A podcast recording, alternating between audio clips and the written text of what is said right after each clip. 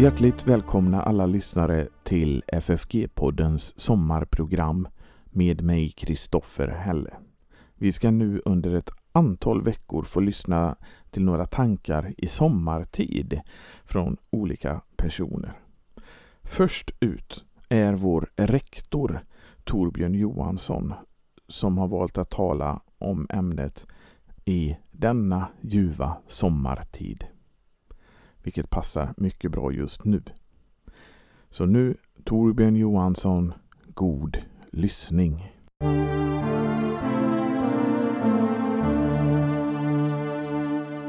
Välkommen till FFG-poddens sommaravsnitt.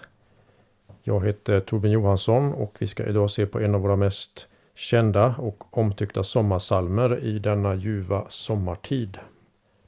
Den har nummer 200 i den svenska psalmboken. Denna psalm är skriven av Paul Gerhardt. Han räknas som något av en nationalskald i Tyskland och i den svenska psalmboken har vi nu åtta psalmer av honom. Teologiskt så tillhörde eh, Paul Gerhardt den lutherska ortodoxin. Han levde mellan 1607 och 1676. Han var bland annat verksam som präst i Berlin. Där samarbetade han med en kantor som hette Johan Kryger.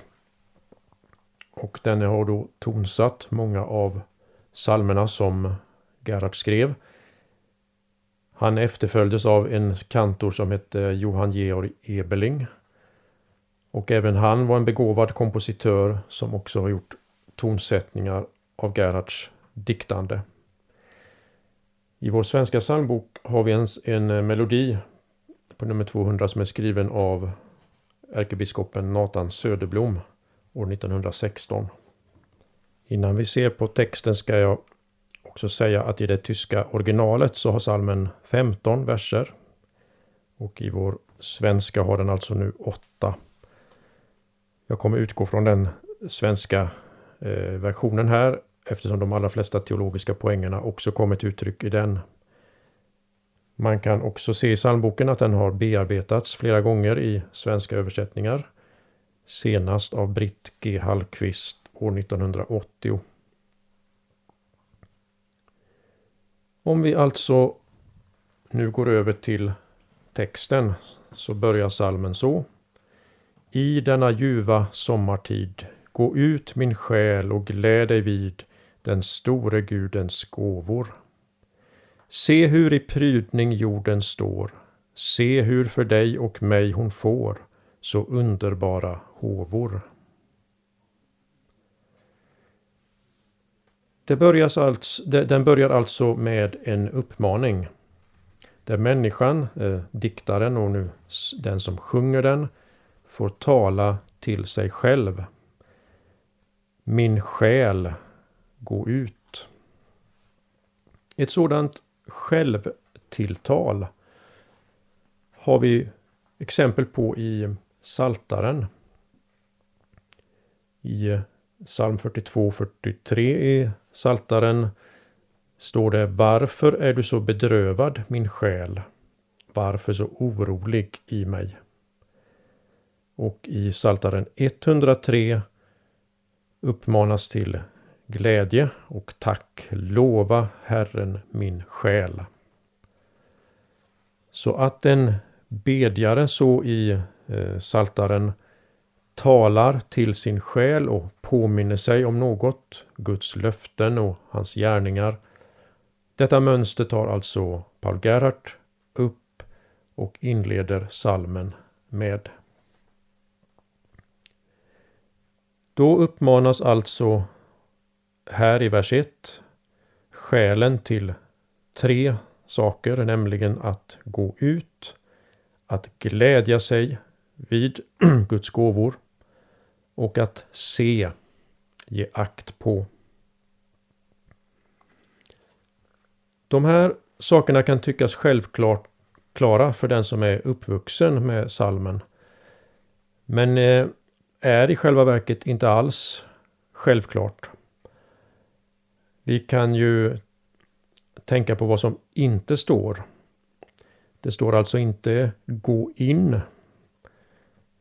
Stäng in dig eller gå in i ditt hjärtas djup. Eller dra dig undan från skapelsens skönhet på sommaren. Det är många som inte delar den kristna tron som har den uppfattningen att det skulle vara så en kristen ser på naturen och på sommaren.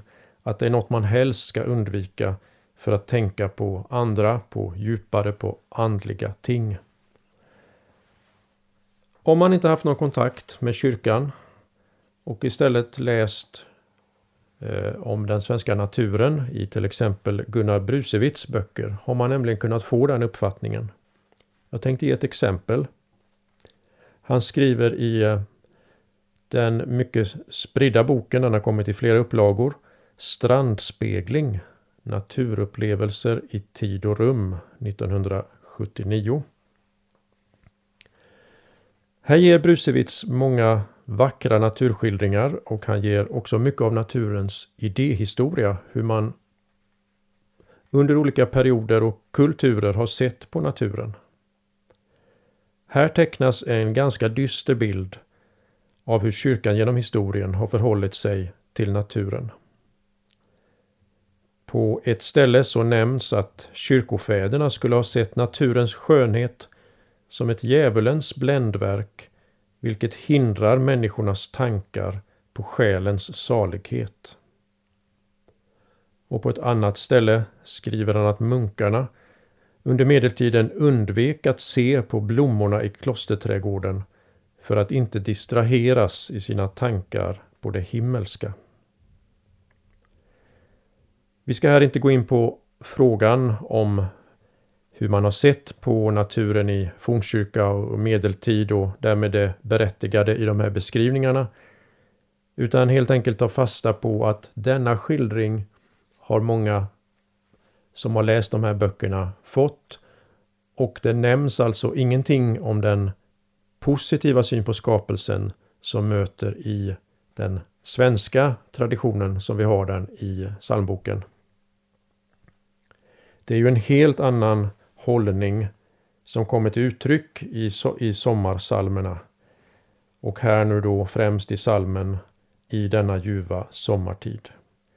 Här bejakas sommarens skönhet och det är alltså en anledning till att gå ut, till att glädja sig, till att se och ge akt på naturens eh, verk.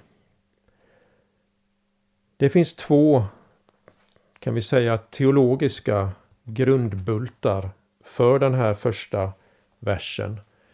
Två eh, förutsättningar, bibliska och teologiska, nämligen för det första att Guds skapelse är god. För det andra att skapelse och tacksägelse hör samman. Den första, att skapelsen är god, är en svår fråga när man går närmre in på den eftersom ju skapelsen också innehåller så mycket som är ont. Men som sådan, som skapelseverk, så är det skapade något gott. Det kommer från Gud. När han hade skapat himmel och jord och allt vad som där ryms så står det att han såg och det var mycket gott. Så skapelsen såsom skapelse är något gott.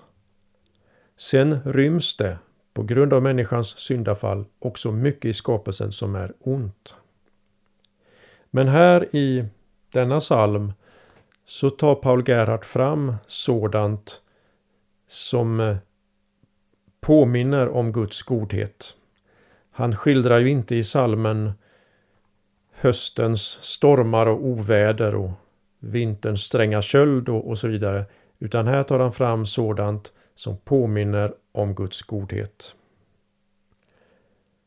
Och det andra är alltså att skapelse och tack hör samman. Skapelse och lovsång hör samman och det tänkte jag vi ska se på några bibliska exempel. Genom själva skapelseakten så har ju Gud skänkt oss det mest grundläggande av alla gåvor, detta att få finnas till, att få, ha fått existens av Gud. Och det naturliga gensvaret på en så stor gåva är tack och lov. Ja, inte bara människan utan allt skapat är kallat att tacka och lova sin skapare. Det gäller änglar, människor och hela skapelseverket. I till exempel Saltaren 148 sägs det uttryckligen att det skapade ska prisa Herrens namn för att han befallde och det blev skapade. Och jag läser från psalm 148 i Saltaren. Halleluja! Prisa Herren från himmelen. Prisa honom i höjden. Prisa honom alla hans änglar. Prisa honom hela hans här. Prisa honom sol och måne. Prisa honom alla lysande stjärnor. Prisa honom ni himlars himmel och ni vatten ovan himlen. De ska prisa Herrens namn, för han befallde och det skapades. I Första Mosebok kapitel 1 möter vi ju hur Gud frambringar hela skapelsen och människan sätts in som skapelsens krona. Denna information är inte bara något som vi ska placera in i vårt vetande som vi gör med annan information. Utan detta är en information som ska bli något djupare. Det ska forma oss. Det ska bli till en vishet när vi tänker på detta. Det är något vi behöver påminna oss om och något som vi inte blir färdiga med. Att Gud är skapare av himmel och jord är en sanning som vi ska leva i var dag. Och den ska väcka vårt tack och lov. I Saltaren finns det särskilt en psalm som är som en eh, som tar upp skapelseberättelsen i poetisk form, nämligen 104. Här skildrar alltså psalmisten vad Gud har gjort. Det talas bland annat om hur Gud har frambringat Libanons sedrar, stenbockar och klippgrävlingar. Så här blir det mer konkret än det är i Första Mosebok. Dessa iakttagelser av sedrar, stenbockar och klippgrävlingar stannar nu inte bara vid ett registrerande av att det är så, utan istället leder det vidare till förundran inför Guds verk och vishet. I vers 24 Hur många är inte dina verk, Herre? Med vishet har du gjort dem alla. Jorden är full av vad du har skapat. Och denna långa naturskildring som vi har i psalm 104 inramas av en lovprisning. Lova Herren min själ. Alltså samma själv tilltal som vi har i 103. Här nu med anledning av Guds verk i skapelsen. Och det blir som en eh, inramning som, som jag sa. Vi har det i vers 1 och vers 35. Så på det här sättet skiljer, skiljer sig nu denna naturlyrik från mycket annan naturlyrik som skildrar skapelsens skönhet men som inte sätter det i relation till skaparen. Här springer det ur denna tacksamhet och det mynnar ut i tacksamhet. Lova Herren min själ. I teologin uttryckte man det i den som Paul Gerhardt var skolad i, som alltså var den lutherska ortodoxins, att hela skapelsens syfte var att förkunna Guds ära, Gloria Dei. Även i Uppenbarelseboken, i skildringen av sången i himlen, så är den naturligtvis för Guds frälsning Men vi ska lägga märke till att det också är för hans skapelse. I Uppenbarelseboken 4.11 läser vi du, vår Herre och Gud, är värdig att ta emot pris, ära och makt, ty du har skapat allt. Genom din vilja kom det till och blev skapat. Och ur detta perspektiv att det skapade lovar och prisar och tackar sin skapare så kan människans syndafall beskrivas så att hon har fallit ut ur denna lovsång. Genom synden har hon blivit stum inför Gud. Det är bland annat detta som ligger bakom C.S. Lewis science fiction-roman som heter Utflykt från tyst planet. Där jorden skildras som en planet som har mist förbindelsen och kontakten och på så sätt blivit tyst med den övriga himmelska världen. Frälsningen blir då att människan genom sin att möta Jesus Kristus och få ta del av allt det han har gjort åter blir insatt till att kunna lova Gud.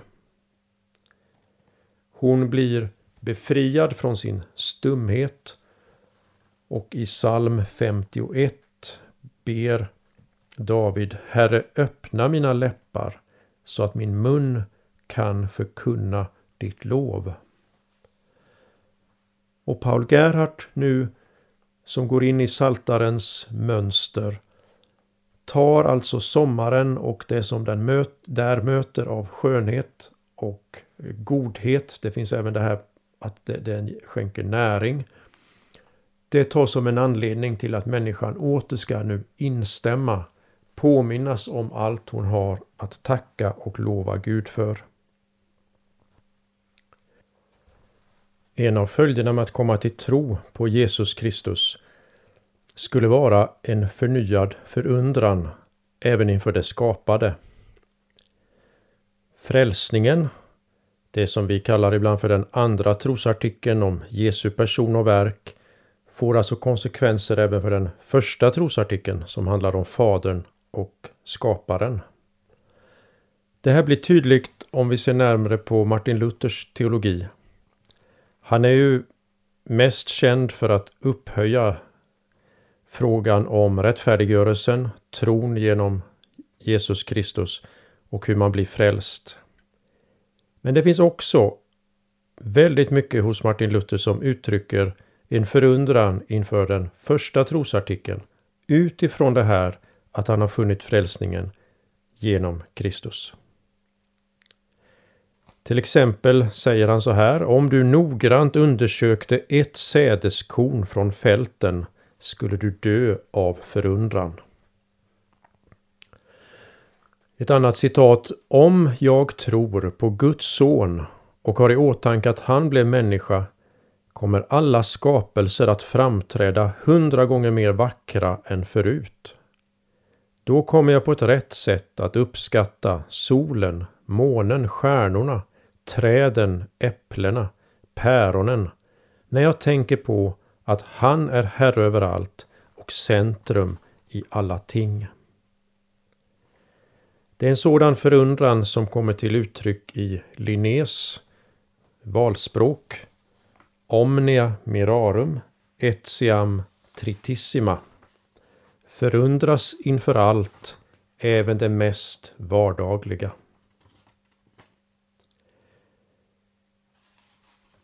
Detta skapelseperspektiv som vi nu har eh, stannat inför kan vi säga sträcker sig från vers 1, 2, 3 och 4. Och så mynnar det alltså ut i tacket Min Gud, så länge jag är till, för livet jag dig tackar. Däremellan har det nämnts konkreta ting, liksom i psalm 104 om de eh, löven, om blommorna, om säden och i den tyska eh, originalversionen fylls det på här med än fler verser med olika växter och djur som eh, räknas upp. När vi sedan kommer till andra halvan av salmen, verserna 5 till och med 8, då kommer in ett nytt perspektiv och det är hur detta jordiska påminner om det himmelska. Det går över från detta tacket och tacksamheten för det som är här till hur det pekar vidare mot något. Det stannar inte i det inomvärldsliga perspektivet och vers 5 och vers 6 inleds båda två med ordet ack. Detta ord som ju sällan används i, i modern svenska men som var vanligt eh, när salmen skrevs och det uttrycker en stark längtan, en stark affekt, en stark känsla. Så på något sätt de här två verserna blir lite av höjdpunkter. Och i vers 5 står det alltså Ack, är det redan här så skönt, på denna jord så härligt grönt. Hur skall det då ej bliva i himmelen där Gud berett vad ingen här i världen sett och ord ej kan beskriva.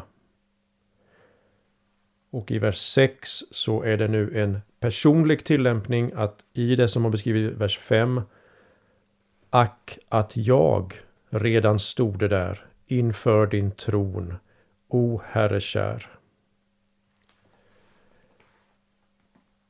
Och detta som vi här möter var också ett vanligt drag i den tidens både predikningar och andliga diktning. Att man låter det jordiska och det himmelska antingen kontrasteras och då kan det uttryckas som att här på jorden är det eh, ont, en jämmerdal och så vidare och så kontrasteras himlens härlighet mot det. Men i det här fallet så är det alltså att här på jorden är det något gott men himlen är ännu bättre. Så att blicken lyfts här mot himlen. Jaget leds via skönheten vidare till källan, till Gud. Det som vi ska lägga märke till är dock att det inte är så att diktaren, jaget som sjunger, därmed lämnar det jordiska. Därför att det himmelska sägs samtidigt vara något outsägligt. Som ord ej kan beskriva, vers 5. Utan istället ses det jordiska som en slags spegel. Som, som vi får tänka är, är vinklad så att man det speglas så man ser vad som är ovan. Det blir som en avspegling, en svag avspegling. Något som är ännu mycket härligare. Men detta som är så mycket härligare, som är det outsägliga, kan vi inte ta emot eller uttrycka annat än, med hjälp av det skapade. Vi har det här i Uppenbarelseboken. Där skildras den himmelska världen. Med hjälp av sådant som finns i denna skapelse. Det talas om träd som bär sin frukt tolv gånger om året och vars blad är läkedom för folken. Detta är en underbar bild som väcker en längtan hos den, den som hör det. Och det bygger på att vi har givit akt på träd och blad och det som finns redan här i skapelsen. Så det är en anknytning och genom den sägs något om det himmelska. Och på liknande sätt menar Paul Gerhardt att Gud låter oss erfara goda ting här i världen. Men det ska inte stanna vid dem utan det ska peka hela tiden vidare. Gerhard är naturligtvis medveten om att sommaren och det vi möter är bara en, en, det är en bristfällig bild. Det kan bara glimtvis återspegla något av det himmelska. Men likväl, för att kunna skapa denna längtan till det himmelska använder han de ord, bilder, erfarenheter som han har för att tematisera det himmelska och detta är hämtat här från skapelsen. Därför så är de inledande verserna med att nu gå ut, glädja sig, se Guds skapelse. För Gerhard inte bara menade att vara ett övergående förstadium som man sedan kan lämna. Utan även sedan man har sjungit igenom salmen så kan man nästa gång börja på vers 1 med att påminna sin själ om att gå ut, glädja sig, se. För i detta seende så ser en troende något djupare, en vittnesbörd om en större verklighet och en påminnelse om det himmelska målet. Den kristna skapelseläran är något långt mera än en för, bara en förklaring om hur världen en gång kom till. Detta är den ju också. Men den är samtidigt en artikel som Luther uttrycker det i Stora katekesen som dagligen skall övas. Att vi bekänner Gud, Fadern som har skapat himmel och jord, är en artikel som dagligen skall övas. Och ett sätt att göra det är att låta Paul Gerhards psalm klinga med i upplevelsen av sommaren.